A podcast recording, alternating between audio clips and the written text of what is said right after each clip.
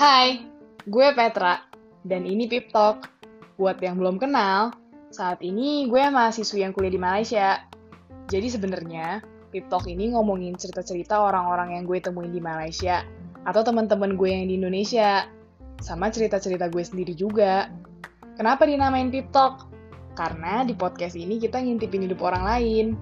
Ikutin terus ya, semoga bermanfaat.